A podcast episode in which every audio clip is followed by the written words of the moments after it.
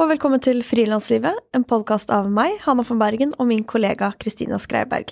I denne podkasten snakker vi med frilansere, eksperter og hverandre om hvordan det er å jobbe som frilanser i den kreative sektoren.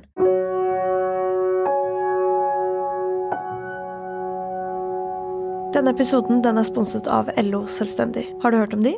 Det er et tilbud til deg som er selvstendig, enten det er frivillig eller ufrivillig. For deg som er kunstner, tekniker eller frisør. Eller noe helt annet. Som medlem så får du økt trygghet gjennom gode medlemsfordeler, og du er en del av et fellesskap der du har muligheten til å være med og påvirke fremtidens arbeidsliv. Vil du vite mer, sjekk ut lo.no.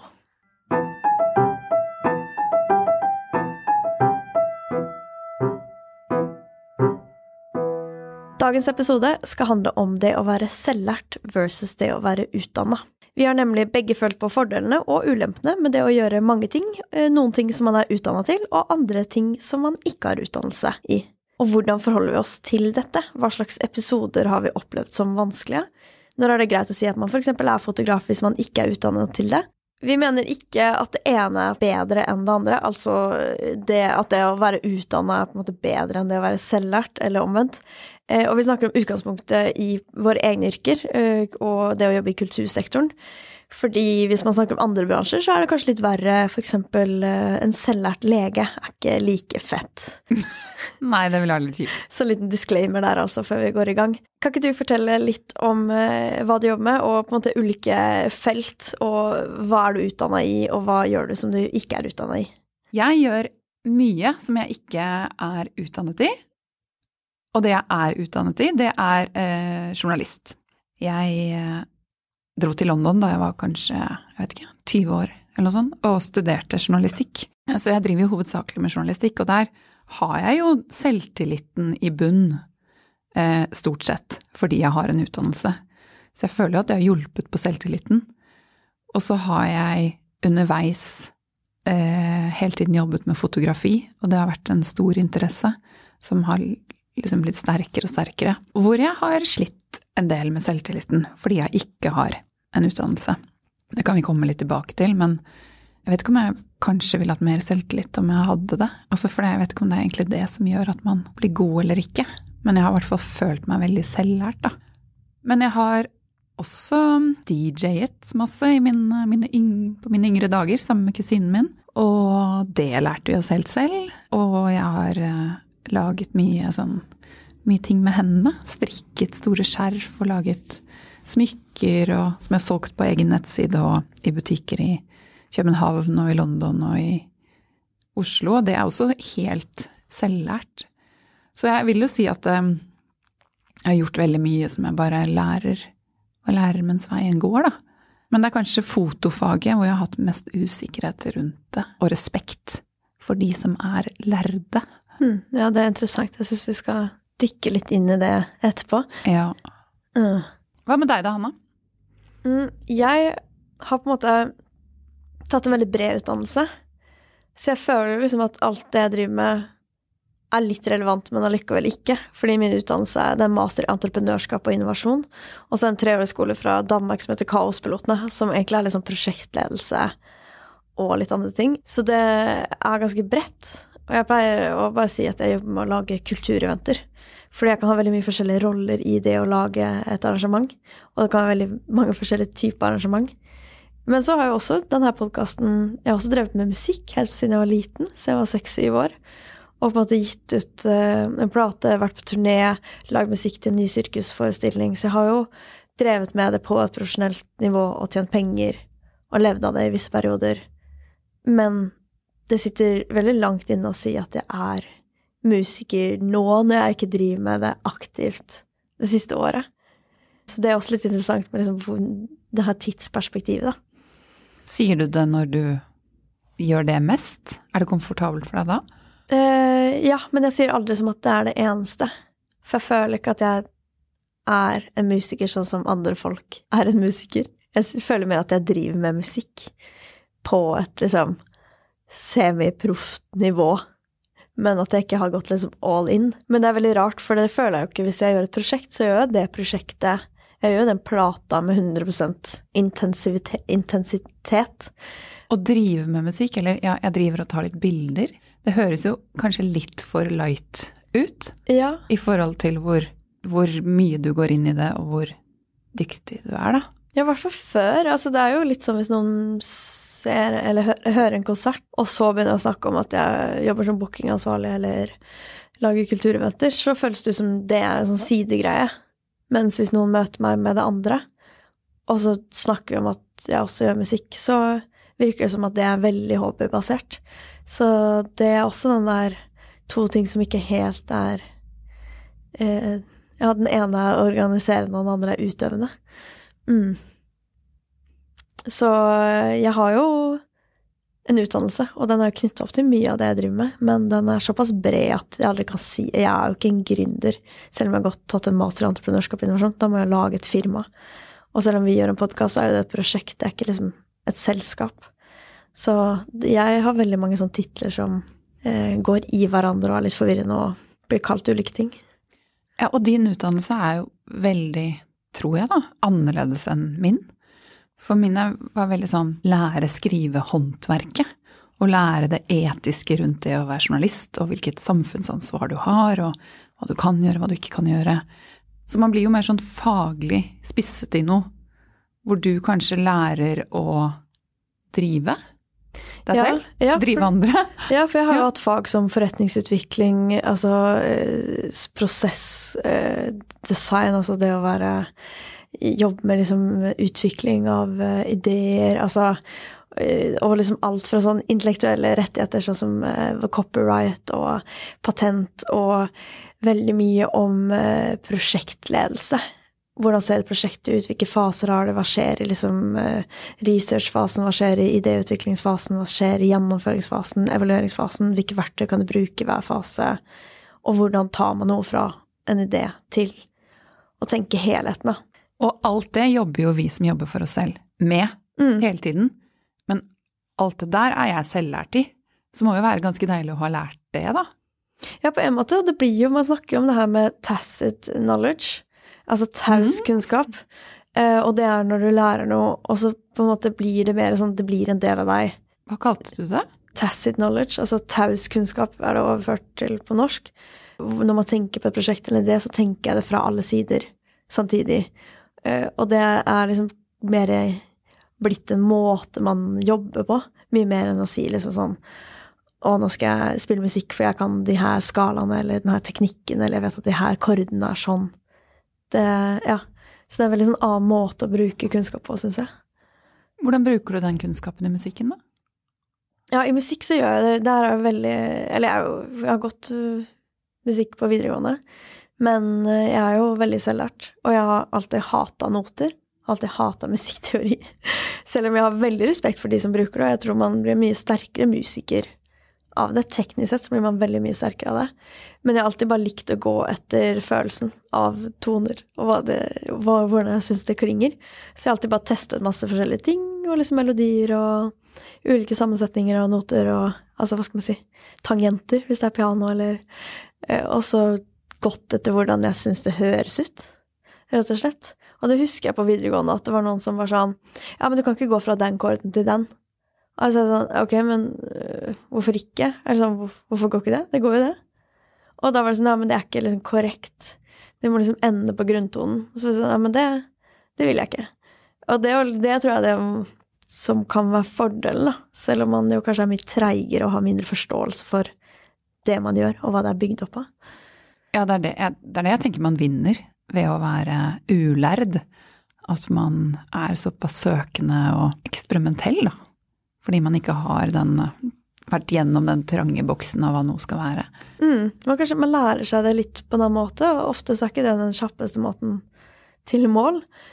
Men det gir kanskje noe annet enn hvis man lærer den korrekte måten å gjøre ting på, da. Ja, man har kanskje en mer sånn intuitiv tilnærming når man lærer det sånn. Jeg tror i hvert fall for noen. Og det beste er hvis du klarer å eh, kombinere begge. Ja. Hvis du er veldig faglig sterk på alt av liksom musikkteori og Og hvis du spiller jazz, for eksempel, og bare kan slenge deg med og improvisere, og du kan liksom hvordan toner fungerer, da. Mens jeg, når jeg spiller med andre folk, så må de liksom følge meg litt mer, fordi eh, jeg er litt sånn Ok, jeg vet ikke hva du spiller der, men jeg syns det høres fint ut. så det er jo det, det, beste er jo å kunne ha begge to, men jeg syns det vært, er litt vanskelig noen ganger. Fordi når man lærer seg hvordan det egentlig skal være, så kan man bli litt låst i det også. Jeg vil bare si at uh, jinglen, jing, jingle, er det det man sier, til eh, podkasten vår, den er det Hanna som har laget. Jeg er veldig glad for at du wow. Imponerende. Så hør hvilket talent som sitter her foran meg. Gå heller inn og hør på plata. ja, dere kan finne Hanna på Spotify. Hanna von Bergen. Der ligger hun, vet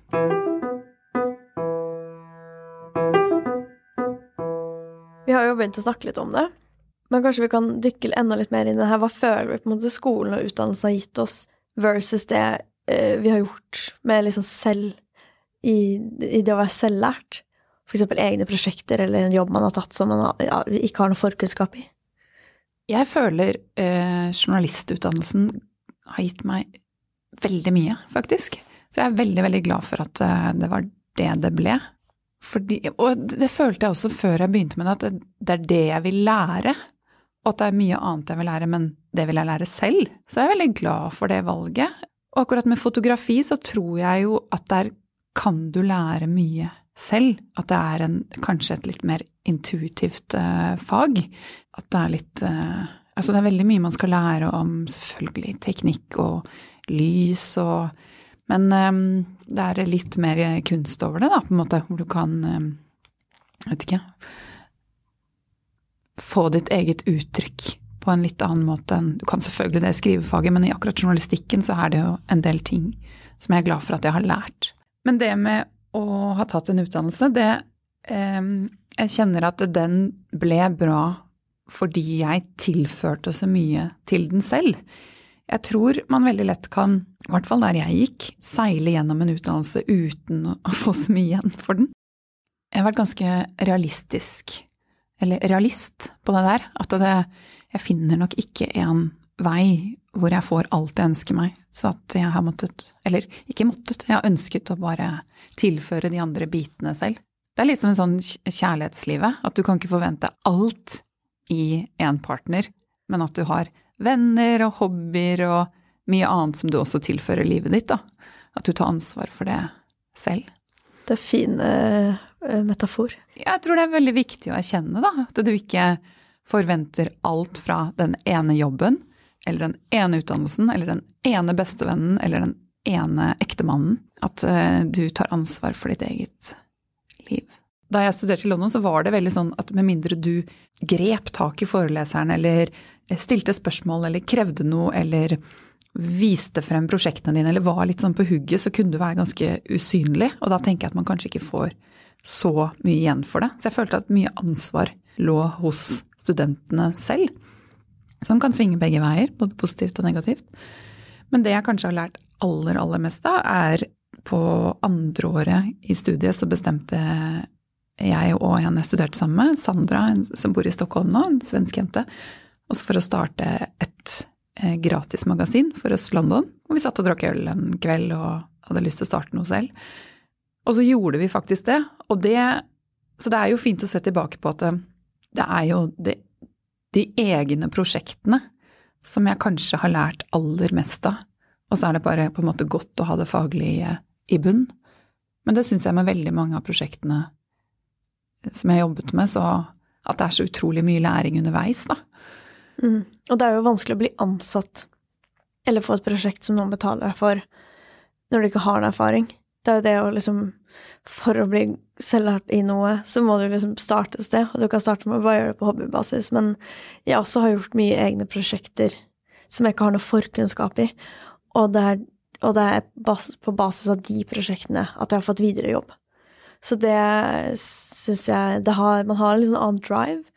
Jeg husker på masteren min så syns jeg det var veldig mye prat om karakterer. Og jeg tror mange kjenner seg igjen i det liksom skolesystemet hvor man bare fokuserer på karakterene eh, først, og så kommer liksom læringen og innholdet litt sånn sekundært. Og jeg ble alltid provosert og var sånn Ja, men drit nå i den karakteren. fokusere heller på hva du virkelig vil lære, og hvorfor du vil lære det, og hva du kan tenke deg å gjøre med den læringen.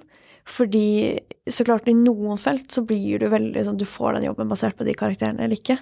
Men i en del andre felt, og kultursektoren er kanskje et godt eksempel på det, så er det ikke alltid at de karakterene er så sabla viktige. Jeg tror aldri jeg har fått en jobb basert på de karakterene. Aldri jeg heller. Er, jeg tror ingen har sett de, og, og ja, jeg syns det var mye viktigere å tenke sånn Hva er det Hvorfor syns jeg det er spennende med denne læringen? Hva er det vi fokuserer Hva er innholdet? Og det er veldig gøy med å gjøre egne prosjekter, fordi da, da gjør du ikke det for å få noe annet. Du gjør det ikke for å lande den jobben, eller for å jeg vet ikke, få kred eller penger, eller du gjør det fordi du har skikkelig lyst til å lære deg å skape det du skal skape, og eh, den verdien det skaper, da. Og du tar den kunnskapen du har fått, i bruk, mm. som er så utrolig gøy. Ja. Ja. Kaospilotene i den skolen jeg gikk på i Danmark, var lagt opp ekstremt sånn hands on, så det har vært den beste utdannelsen jeg kan tenke meg. Fordi man fra første klasse til tredje klasse eh, i løpet av de tre årene, så gjør man så ekstremt mye prosjekter. Og det er ikke sånn at du bare later som du gjør det. Det er ikke en case. Du går ut og gjør det. Du jobber for kunder.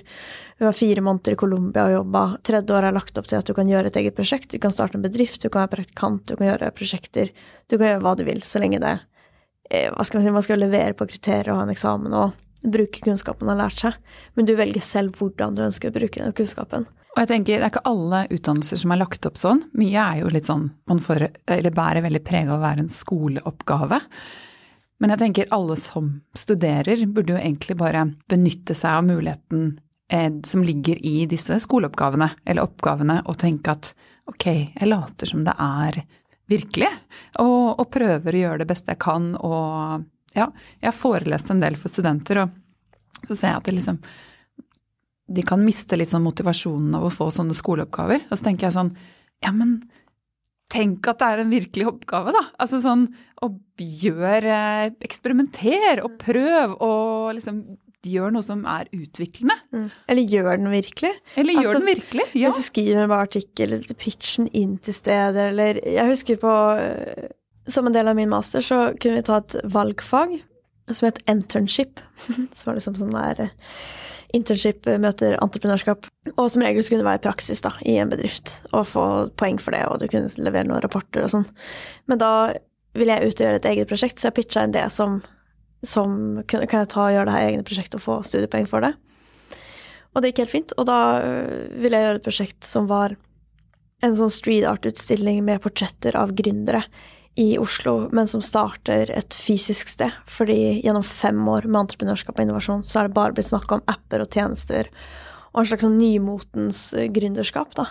Mens jeg var sånn, ja, men hva med den personen som starter kafeen på hjørnet, eller har den bokbutikken, eller den vinylsjappa, de er jo gründere, men de blir ikke omtalt som gründere på samme måte. De har ikke den samme hypen rundt seg.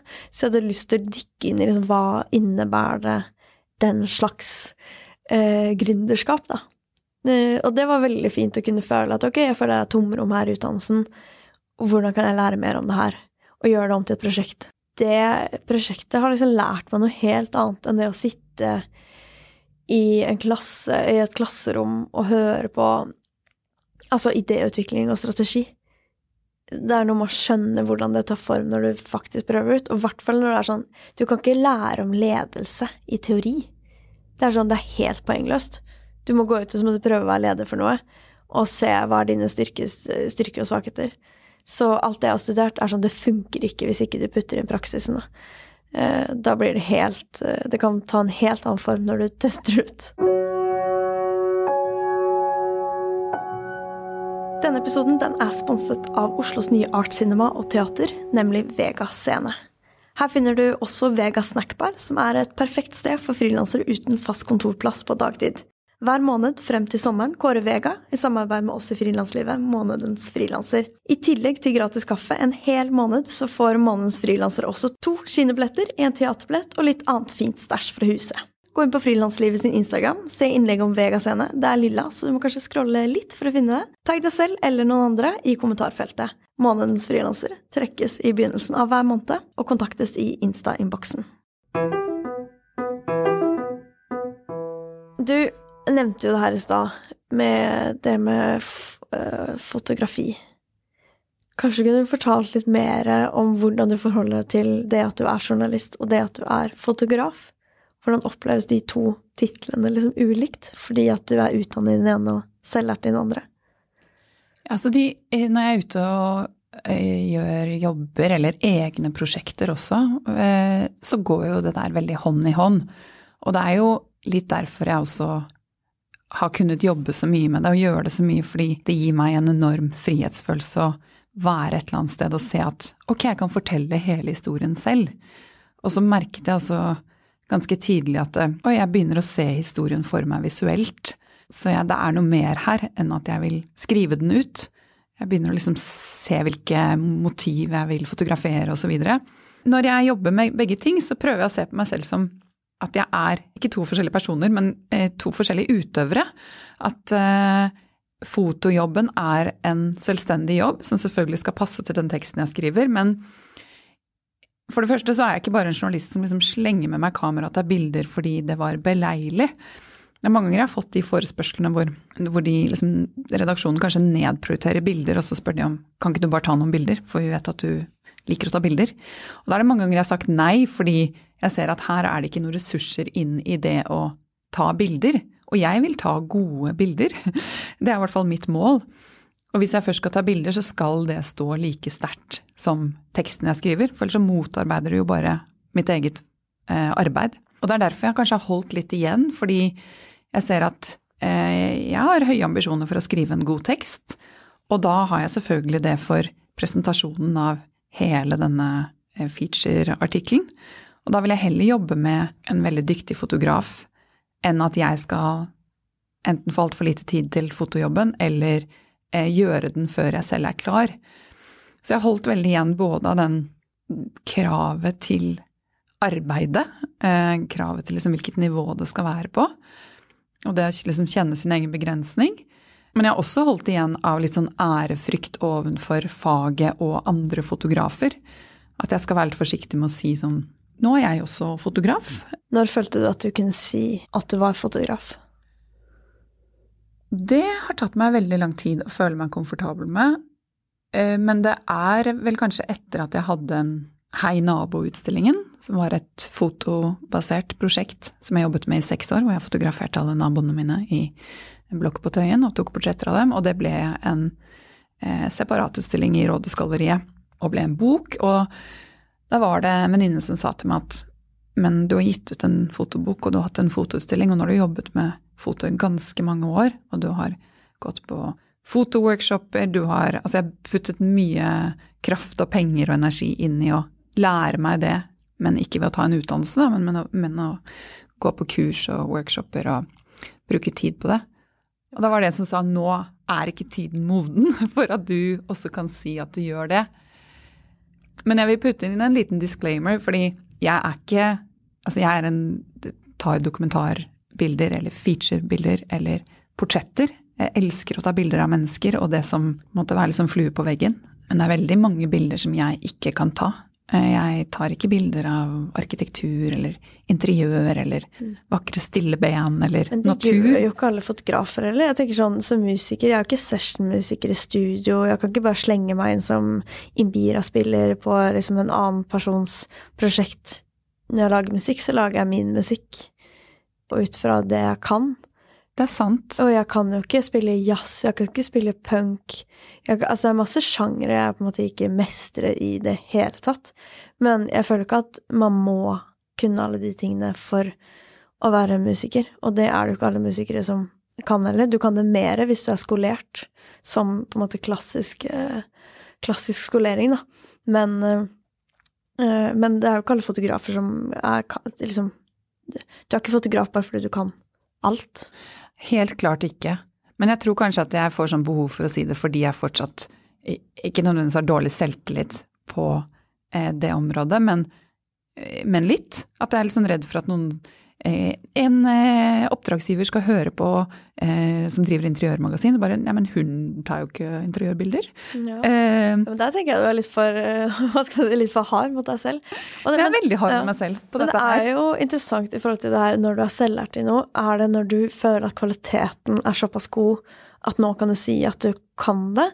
Eller er det det at du har fått litt sånn kred fra andre? Er det liksom når du var i D2 at da er du fotograf? Eller på en måte er det det bildet som var i D2 hvis det ikke hadde blitt solgt inn, men bare at du har tatt det bildet, at det var så bra, da? Skjønner du hva jeg mener? At den der, fordi ofte så føler jeg at man trenger den anerkjennelsen fra, fra andre fra bransjen, fra liksom eh, ja, de som har mandat da, til å si at noe er bra eller ikke. Og jeg vil si ja til alt det der.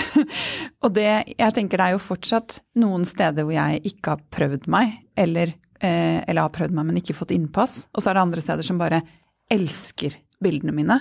Eh, men samtidig så gjør det at eh, jeg er usikker, fordi ikke alle elsker det. Eh, men det tror jeg jo vil være sånn hele livet, for alle elsker jo ikke hva man gjør. Ja, ja. Og det kan, Uavhengig om jeg har vært lærd eller ikke. ja. Men jeg føler litt det samme musikken. Jeg valgte å gi det ut selv, og jeg kontakta ikke noen labels, men det kunne vært interessant å liksom Jeg vet ikke om jeg hadde følt at det var mer Hva skal man si proft. Uh, mer proft om, eh, om jeg hadde vært signa på et label. Men det er jo akkurat samme musikken jeg gir ut. Men det er bare noe med Gjør det selv, eller er det noen andre som liksom voucher, som går god for det du driver med? Og det må jo være en god miks, da.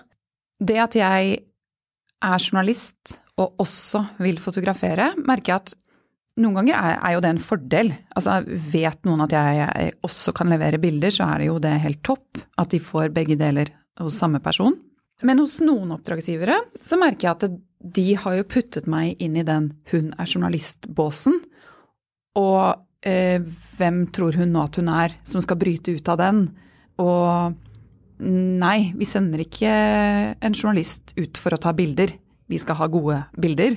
Men er det fordi at man er vant til at folk enten er journalist eller fotograf?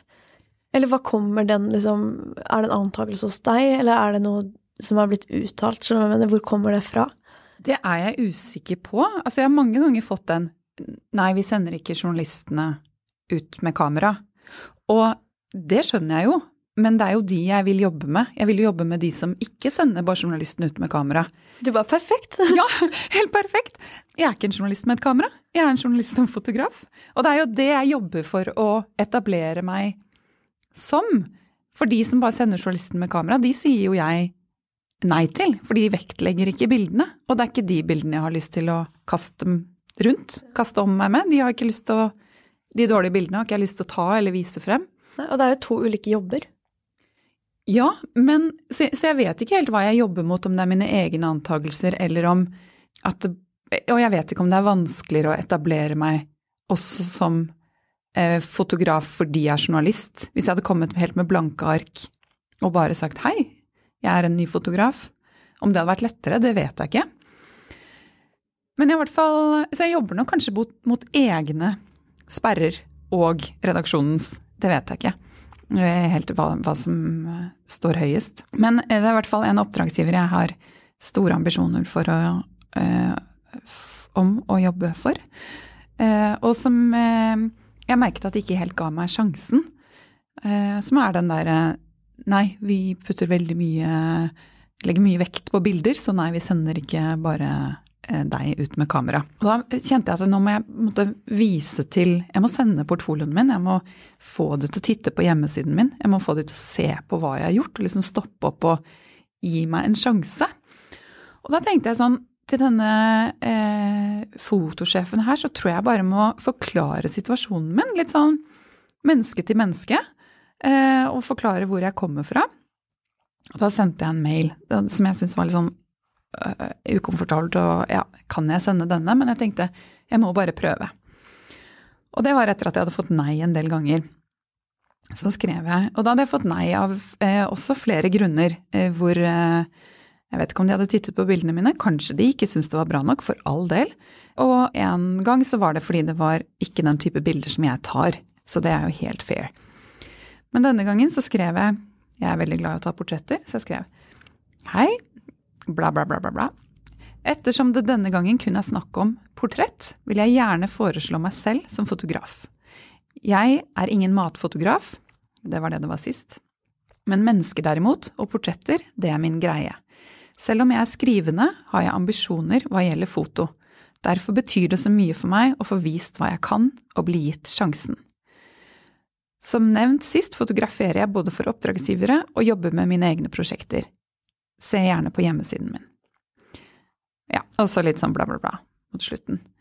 Og det er jo sikkert ikke en så farlig mail å sende, men for meg så betyr jo dette veldig mye, om jeg får sjansen eller ei. Jo, i tillegg så la jeg til at jeg, nå leser jeg, la meg gjerne foreslå en ingenting å tape-modell. Hvis du ikke liker resultatet, står du fritt til å ikke bruke bildet. Jeg fakturerer selvsagt ikke for jobben, og det er bare å sende en annen fotograf uken etter. Hva sier du? Vet du, Det syns jeg er en veldig kul måte å gjøre det på, for det er noe med at du bygger opp din egen track record, og i starten å få innpass da, hos de liksom store, eh, så er det en veldig kul måte å si sånn Jeg kan mye, jeg vil mye, gi meg sjansen, skal jeg vise deg, men du kan også gjøre det du er vant til å gjøre, hvis ikke du syns det her funker. Det er kjempefint. Så det er noe med at jeg ønsket at bare sånn Uh, Hei, hei, gi meg en liten sjanse, dette brenner jeg for.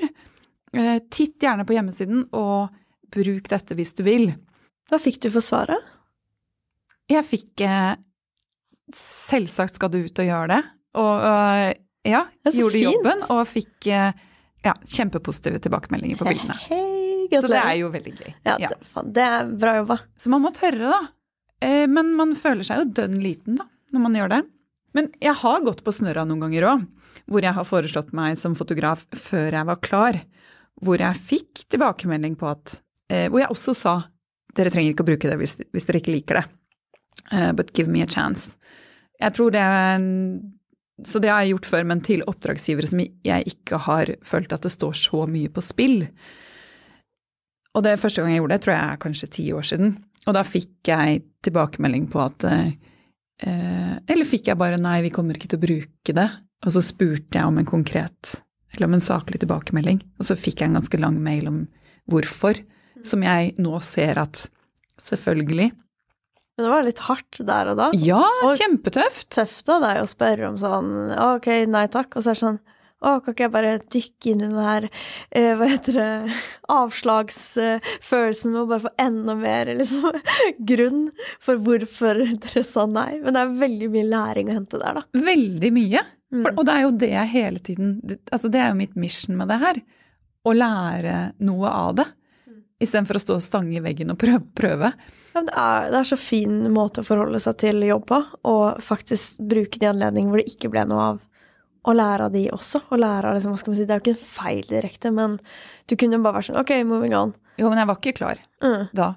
Og det tenker jeg at man skal jo kaste seg ut i ting og ta noen sjanser og sånn. Helt klart. Man har mye å vinne på det, og så har man noen ganger noe å tape på det. Ja, Men man vinner jo læring, da. Hvis man ber om det. det gjør man. Og så er det jo viktig å ikke claime at man er noe som man ikke føler seg klar for å si at man er.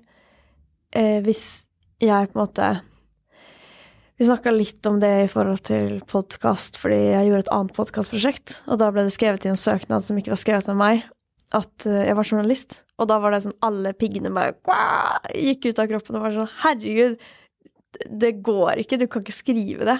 Det blir helt feil. Og det er jo noe med sånn Det er ikke noe jeg kan si at det er på noen som helst måte. Jeg kan lage podkast, jeg vet ikke akkurat hvilken tittel man skal da ha, men det er viktig at man også har liksom ydmykhet rundt Alle kan ikke bare gå rundt og kalle seg hva som helst fordi at du tar et bilde. Og du fortalte meg jo det her, at de hadde titulert deg som journalist. Og så var du litt sånn, ja, men vi reflekterte litt over det som når, når kan du kalle deg det? Og da kjente jo jeg at bare sånn, eh, men nei, Hanna, du er ikke journalist. Jeg er det! Jeg er Jeg er journalist! så det er jo noe med, ja, å kjenne eh, Eller ha respekten for den som faktisk er det, da. Ja, ja, men det er som at du hadde tatt med en gitar og så spilt lagd én låt, og så er sånn Jeg er musiker. Da hadde du også bare nope. Ja, for jeg føler jo fortsatt at jeg ikke helt kan si at jeg er musiker. Men det der om å være klar for å titulere seg som noe dette, Denne fotograftittelen, den sitter ikke helt i min sånn ryggmarg enda. Eh, fortsatt av ærefrykt. Og til høsten så kommer jeg med min andre bok, og i den boken er det sånn 150 bilder som jeg har tatt. Eh, altså det, jeg har tatt alle bildene i den boken, som jeg jobbet med i jeg vet ikke, 9-10-11-12 måneder. Så jeg tenker sånn, når er man klar? Hvor Når- skal man være? Er vet aldri, kanskje. Når er du fotograf? Er det når du liksom får en pris for fotografi? Ja, Eller liksom for et diplom, eller noe andre har skrevet på papir at du er fotograf? og nå sitter jo jeg sånn, å, jeg er ikke sånn og sånn fotograf, men det, jeg tror man skal kunne tørre å si, eller ha stolthet i, eller selvtillit på at man gjør det selv om ikke alle liker det, for det kommer jo aldri til å skje.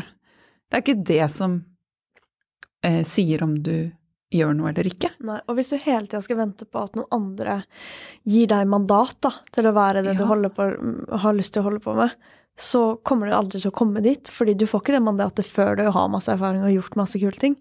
Så det der er jo liksom catch 22, at, eh, og det får du med en utdannelse. Det er noen som har gitt deg papir på at du kan det her. Det betyr jo ikke at du kan det, selv om du har papir på det. Det betyr jo ikke at du er en god journalist fordi du har gått journalistutdannelsen. Skjønner du hva jeg mener? At det kan jo Du Helt kan klart, ha ja. forskjellige nivåer av kompetanse. Ja, Men eh, jeg tror der må man rett og slett bare Eller bare ikke være så Man trenger ikke å si sånn 'Jeg er fotograf'. Da kan man si sånn 'Jeg brenner for fotografi og tar veldig mye bilder'. Altså, man kan jo begynne litt på den måten. og det er det jeg jeg går måten. rundt og sier, på en Ja. Men når du har et oppdrag hvor du både er journalist og du er fotograf, hvordan gjør du det i praksis? Fordi da har du to helt, helt ulike roller, på en måte. Ja, jeg eh, De siste årene har jeg egentlig begynt med å tenke at den ene dagen så gjør jeg det jeg trenger til teksten. Intervjuer, henger med intervjuobjektet, observerer, liksom sanker eh, materialet til skrivearbeidet. Og så kommer jeg heller tilbake og fotograferer. Og det er fordi jeg syns det kan bli litt mye å tenke at i løpet av denne tiden her, så skal jeg få gjort alt. Så nøkkelen her er jo å ha tid og god tilgang til intervjuobjektet.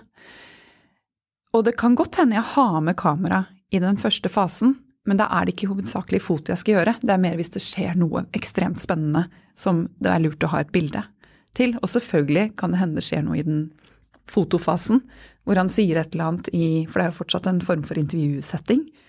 Eller det skjer noe som også er relevant å ha med i teksten. Men jeg på en måte bolker det forskjellig. Det er mange ganger jeg har sagt sånn Jeg kommer for intervju da, og så kommer jeg to dager senere for å Da tar vi bilder.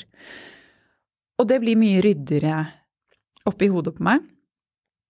Og kanskje litt fint for eh, intervjuobjektet òg, for da vet man litt at dette er sånn jeg skal forholde meg til deg nå.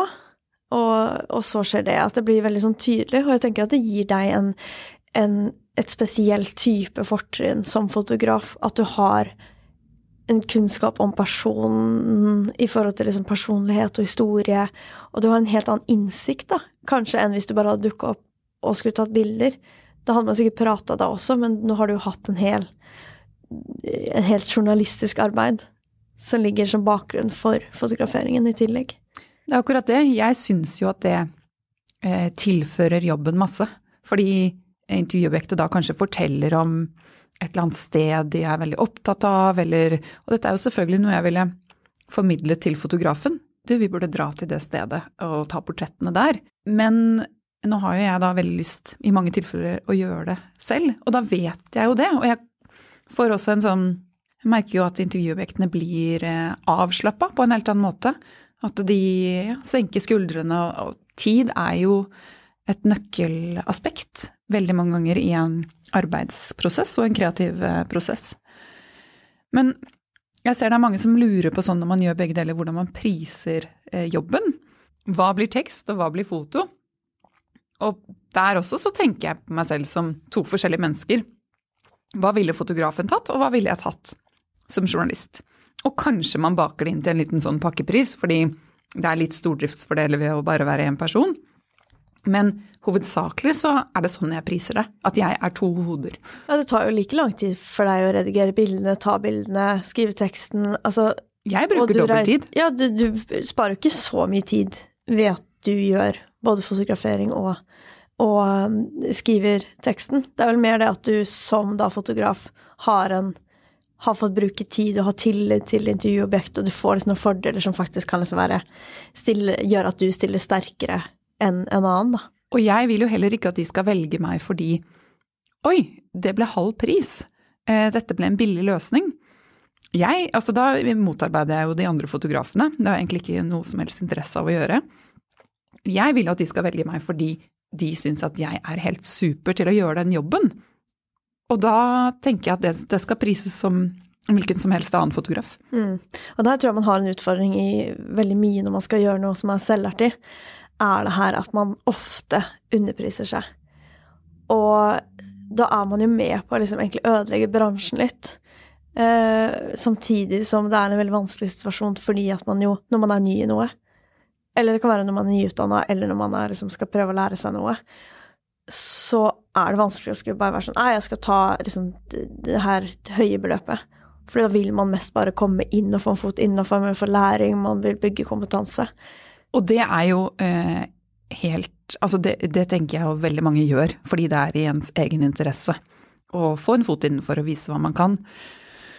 Så jeg tenker at det, det, skal man jo også kunne gjøre. Man står jo fritt til å forhandle eh, sine egne honorarer, og alle er i forskjellige situasjoner. Men jeg har ikke lyst til å gå ned på det nivået fotomessig. Jeg har lyst til å suse inn på det nivået hvor jeg er eh, på det journalistiske, da. På skrivingen. Ja. Jeg syns det er fint. Og man kan jo også velge å si sånn Vanligvis så tar jeg det her i timen, men dere kan få det for det her på grunn av det og det. Sånn at man viser kunden at nå får du det billig øh, fordi jeg vet ikke, for man er ny, eller man ikke har noe prosjekt akkurat da, eller jeg vet ikke. Så at ikke kun bare tenker at det er det det skal ligge på. Men da får man en slags sånn bevissthet om at egentlig så skal prisen være høyere. Eh, så det er jo en måte å Jeg har gjort det et par ganger med de som jeg veldig gjerne vil eh, fotografere for. Hvor eh, ja, en gang til den jeg sendte den mailen til, så var det at du, det, det blir dyrere for oss å sende deg enn det blir å sende en av fotografene som jobber hos oss. Eh, de får så og så mye for den, den, jobben. Og da sa jeg også en gang jeg kan matche det. Ja, det, det, tror jeg faktisk jeg sa den gangen jeg sendte mailen, at jeg kan matche det som deres faste tar. Og det er kanskje spesielt vanskelig når man selv lært. Det er sånn, hva, hva tar man?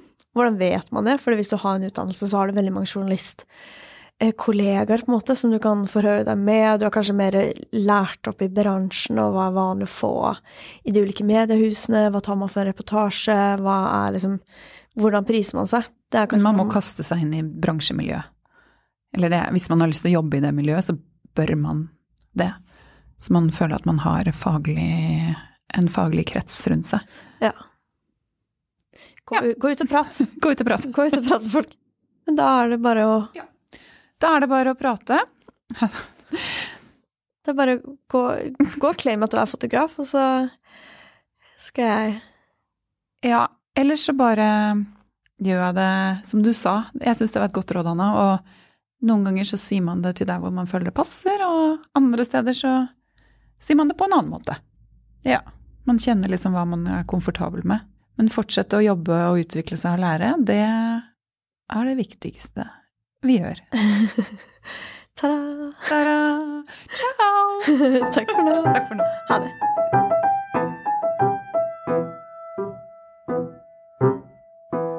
Tusen hjertelig takk til eh, Grafill, Kulturetaten og Fritt Ord for støtte til denne podkasten.